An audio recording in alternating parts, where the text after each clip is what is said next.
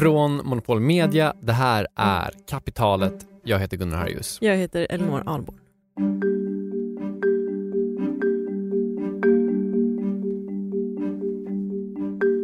Du vet inflation? Jag vet inflation. Ja. Det enda folk, du och jag och alla andra pratar om. Ja. Du vet också hur man mäter den? Typ.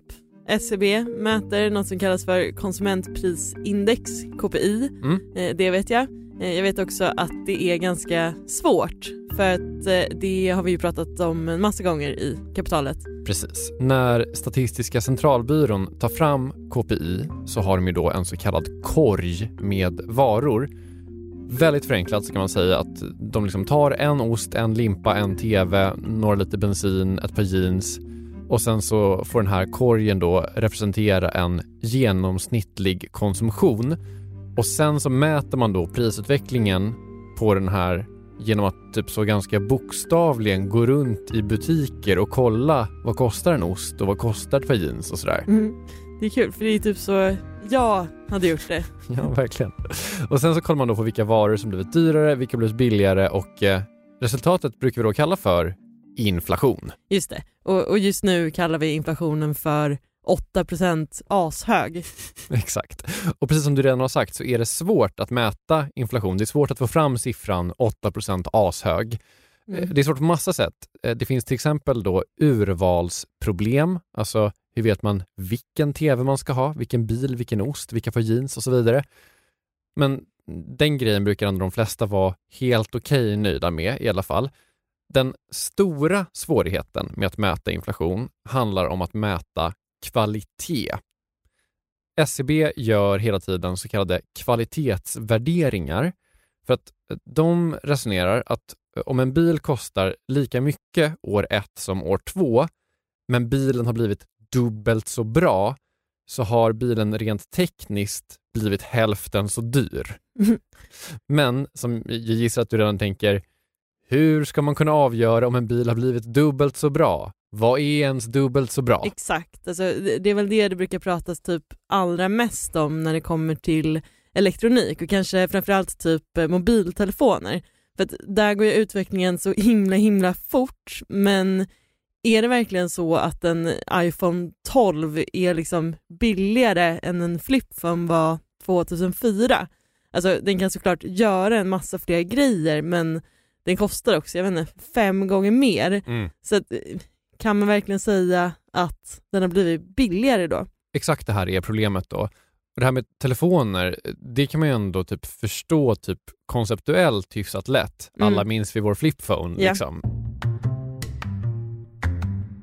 Men det finns en massa andra saker som man aldrig tänker på som faktiskt gör det här med kvalitetsvärderingar hur svårt som helst. Som vadå? Det är exakt det som dagens avsnitt ska handla om. I kapitalet idag, tre saker vars kvalitet är i princip omöjligt att mäta i KPI och vad det får för konsekvenser för det vi kallar för inflation. Efter det här. Okej, kvalitetsvärdering i konsumentprisindex, eller eh, på vanlig svenska, hur mycket dyrare är en iPhone 2022 än en flipphone 2004? Notoriskt svårt att bestämma. Mm. Det finns också saker som gör kvalitetsvärderingen ännu svårare än vad vi har tänkt på och det ska du berätta om nu.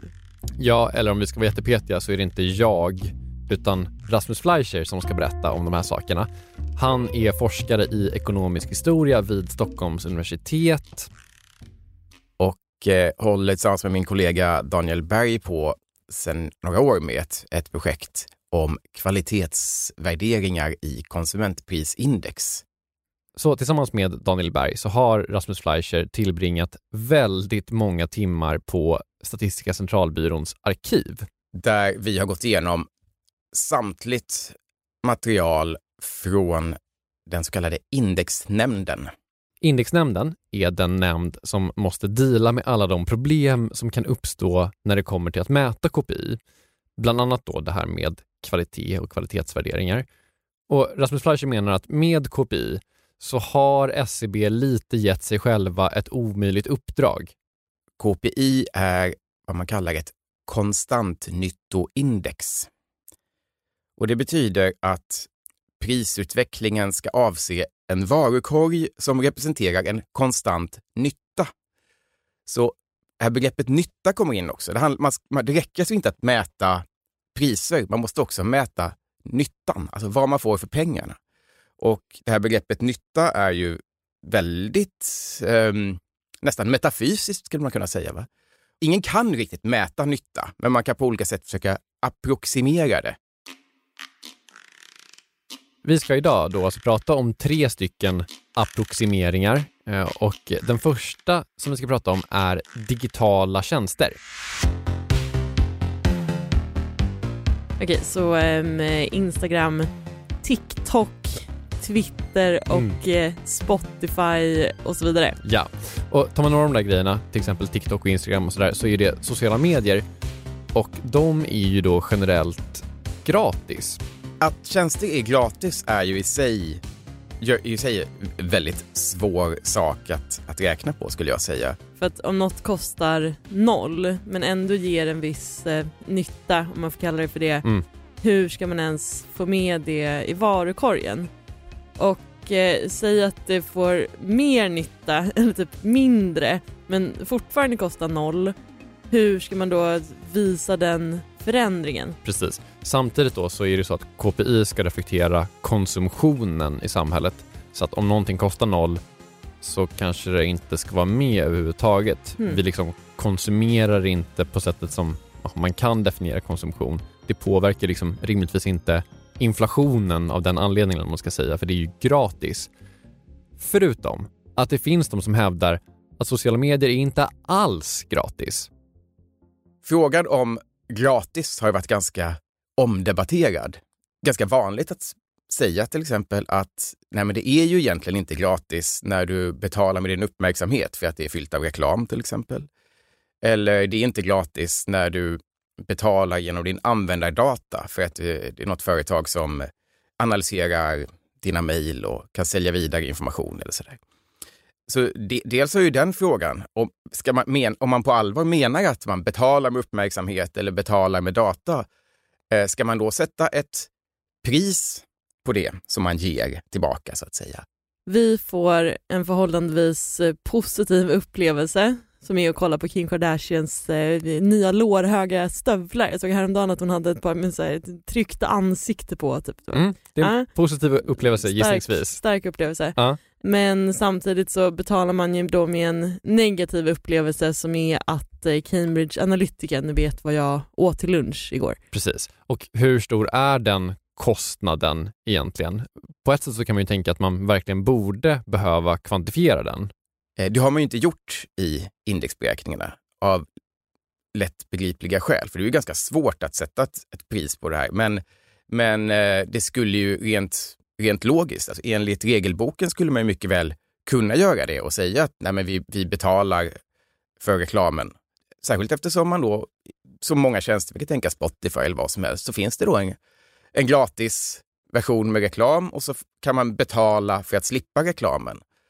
Eh, så det skulle ju naturligtvis gå att uppskatta något pris för hur mycket man betalar för att slippa reklam.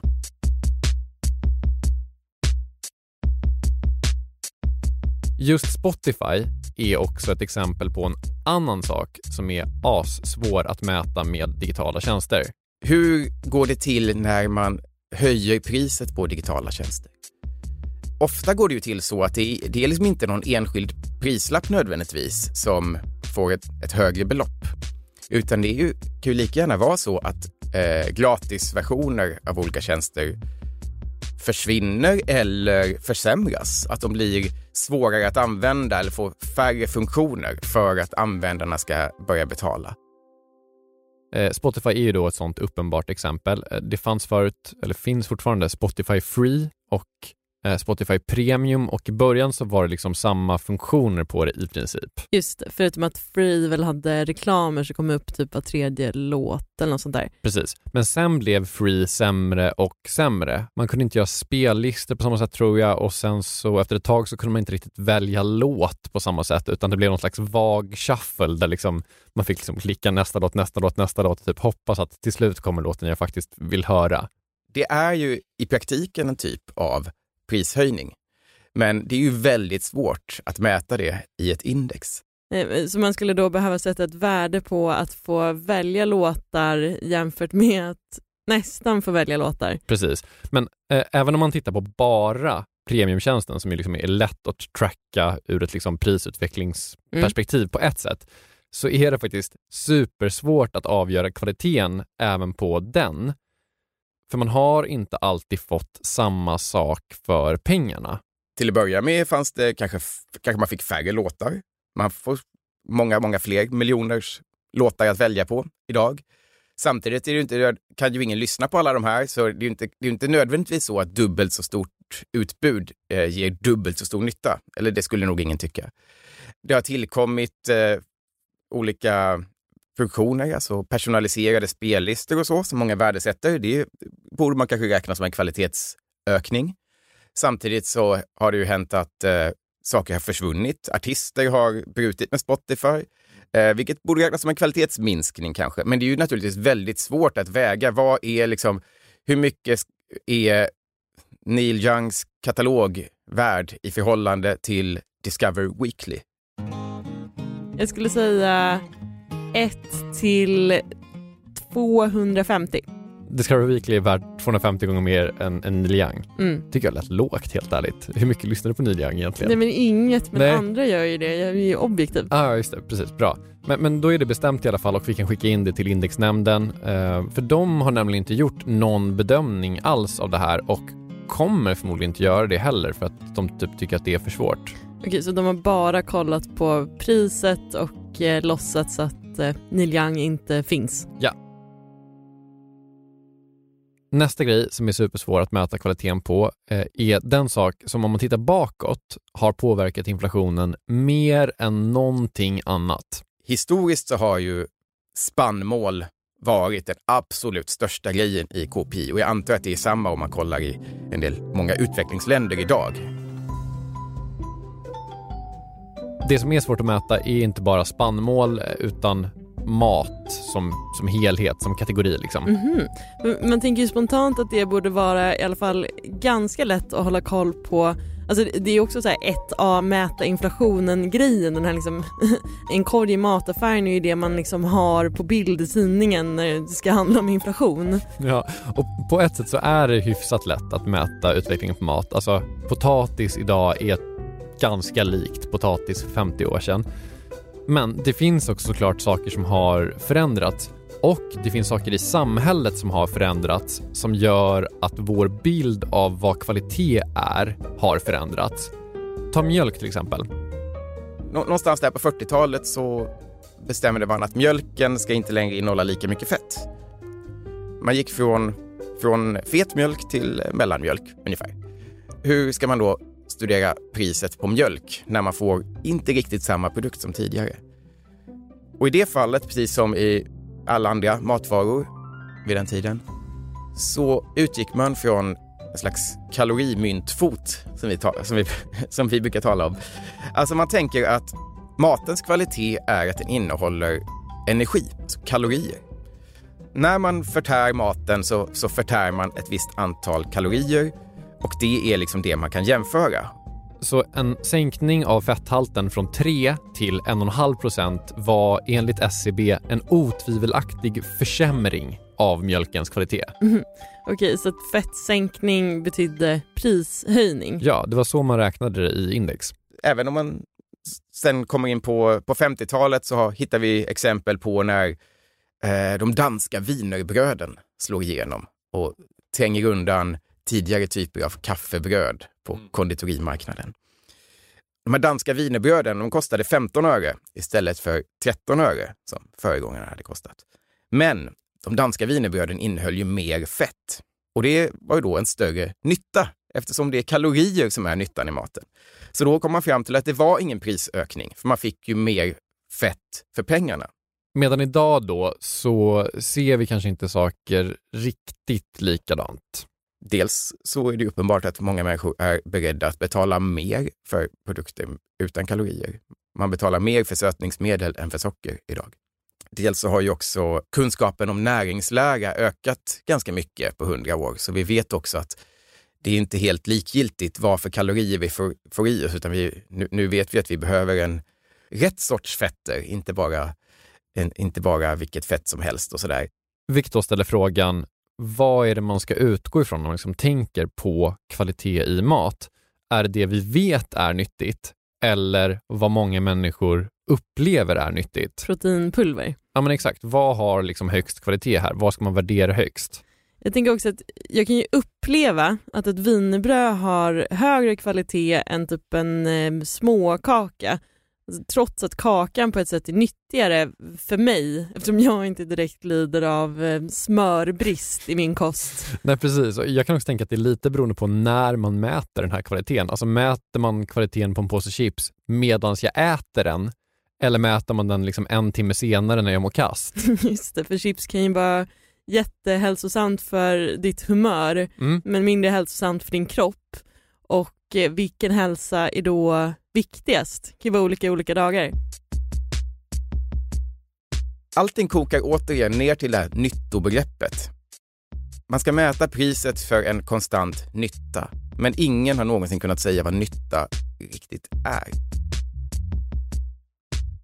Vi har en tredje och sista sak kvar vars nytta är jättesvår att kvantifiera. Det är också den allra största posten i KPI och kanske mäter vi den helt och hållet fel efter det här.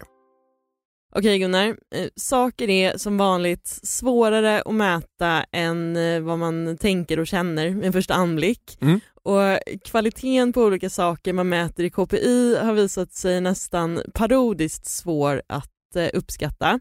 Det här gör det typ omöjligt att mäta inflationen eftersom den ska ta hänsyn till om kvaliteten på grejer har ökat eller minskat. Mm. Du lovade att eh, tillsammans med ekonomhistorikern Rasmus Fleischer gå igenom tre grejer som är svåra att mäta kvaliteten på. Vi har pratat om digitala tjänster, Kim Kardashians eh, lårhöga stövlar mm. Eh, och vinerbröd och proteinpulver. Ja.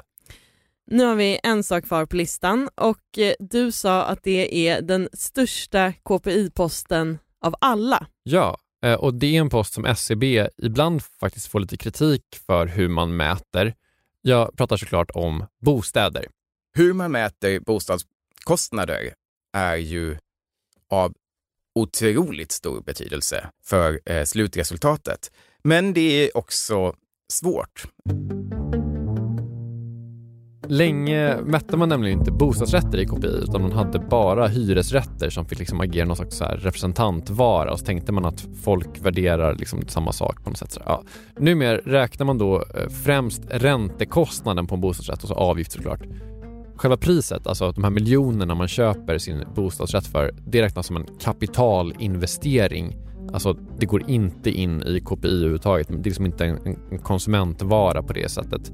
Vissa har åsikter om det här, men det, det är så man gör. Liksom. Just det, men, men, generellt kan man väl ändå säga att räntorna stiger så länge priserna stiger, i alla fall om folk köper nya bostadsrätter lite då och då. Mm, exakt. Så den delen, omdebatterad men ändå en grej där man liksom åtminstone kan typ förstå alla sidor och typ så förstå vad man mäter, hela den grejen. Däremot så gör SCB e i princip inga som helst värderingar av kvalitet när det kommer till bostäder. Troligen för att det helt enkelt är allt för svårt.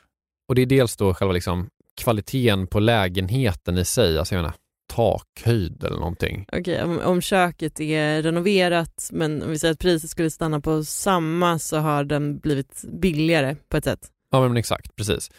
Det räknar man inte med. Men det är ju inte bara liksom den typen av saker som man ändå typ skulle kunna mäta som är kvalitet vad det gäller bostäder.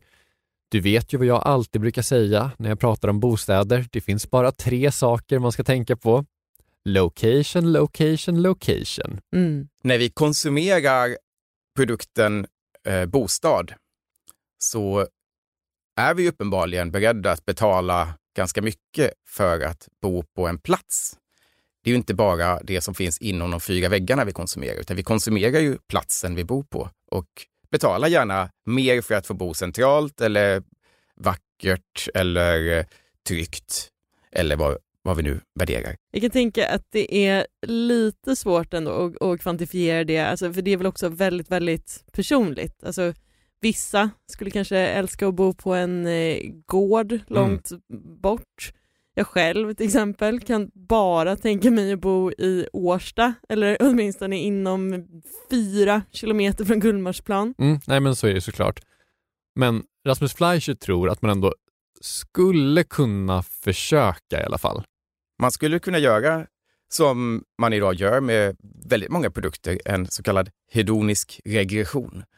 Det betyder väl i korthet att man gör en matematisk beräkning. Man, man har olika parametrar på varje bostad och sen, sen, se, sen försöker man se vad kan prissättningen säga om hur de här parametrarna värderas av, av, av marknaden.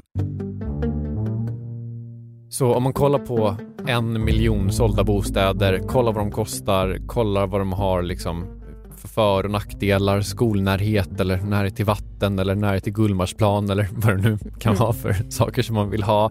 Och sen så försöker man då liksom pussla ihop det här och se liksom hur har marknaden värderat allting och så kommer man fram till hur mycket vi människor i genomsnitt värderar varje grej. Så man gå den vägen såklart så är det ju eh, en, en eh, risk för att det skulle kunna kanske skada förtroendet för KPI också. För det skulle ju föra in en ganska stor faktor. Om, om, om man verkligen skulle kvalitetsjustera för bostäders läge. Det skulle vara logiskt att göra det på ett sätt, men om man skulle göra det, då skulle det också betyda att till exempel om ett visst läge blir mindre attraktivt, så ska det här räknas som en prishöjning. Givet då att priset på bostaden är detsamma såklart. Så om en skola lägger ner i närheten men eh, huset eller lägenheten kostar samma så skulle det räknas som en prishöjning. Utifrån den här principen då. Eh, men skola är ändå liksom en ganska konkret grej. Det finns ju betydligt mer luddiga saker som är väldigt svåra att mäta när det kommer till läge. Trygghet är en mm. sån sak. Hur vet man liksom om ett område har blivit mer eller mindre tryggt? Det är också väldigt vanligt att folk upplever att platser har blivit mindre trygga fast brottsligheten har gått ner. Vad ska man gå på då? Upplevd trygghet eller verklig trygghet? Det är lite som det här med vinbröden och smörmängden. Precis. Det är ju så svårt att skilja liksom själva produkten från hela den samhällskontexten runt omkring.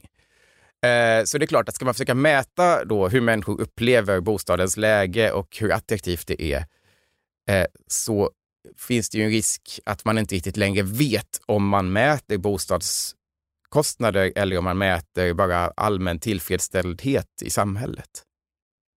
Så eh, istället så har man helt enkelt bestämt sig för att strunta i att mäta det här överhuvudtaget. Med allt det här sagt, hur exakt tycker du att KPI är? Det är ju frågan om vad det är man vill mäta.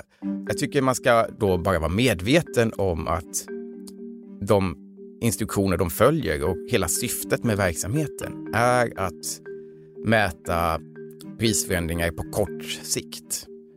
Och då är ju kanske inte kvalitetsförändringar en lika avgörande sak som på den långa sikten.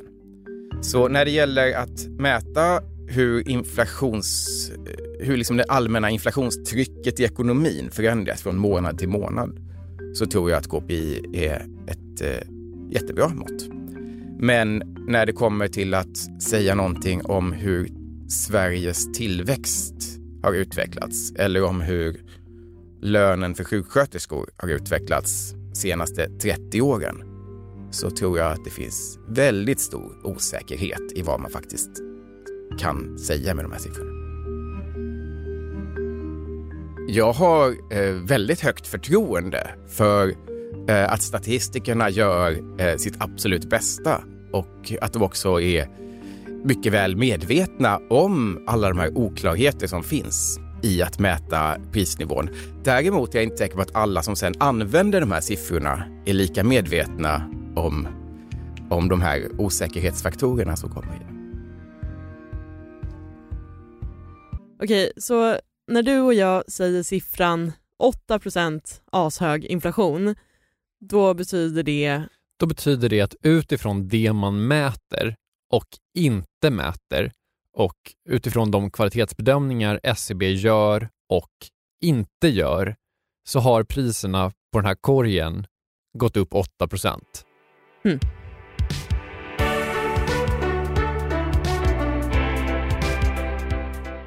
Rasmus Fleischer forskar på Stockholms universitet i ekonomisk historia. Han skriver om ekonomisk historia och mycket annat på sin blogg copyriot.se. Kapitalet är slut för idag. Gunnar Harjus och Elinor Alborn har gjort det här avsnittet. Jakob Bursell är chef och ansvarig utgivare. Jesper Hagenborn har mixat och Marcus Morey Haldin jobbar också med Kapitalet som har en Twitter. Där heter vi Kapitalet. Vi hörs igen om en vecka. Hej då! Hej då!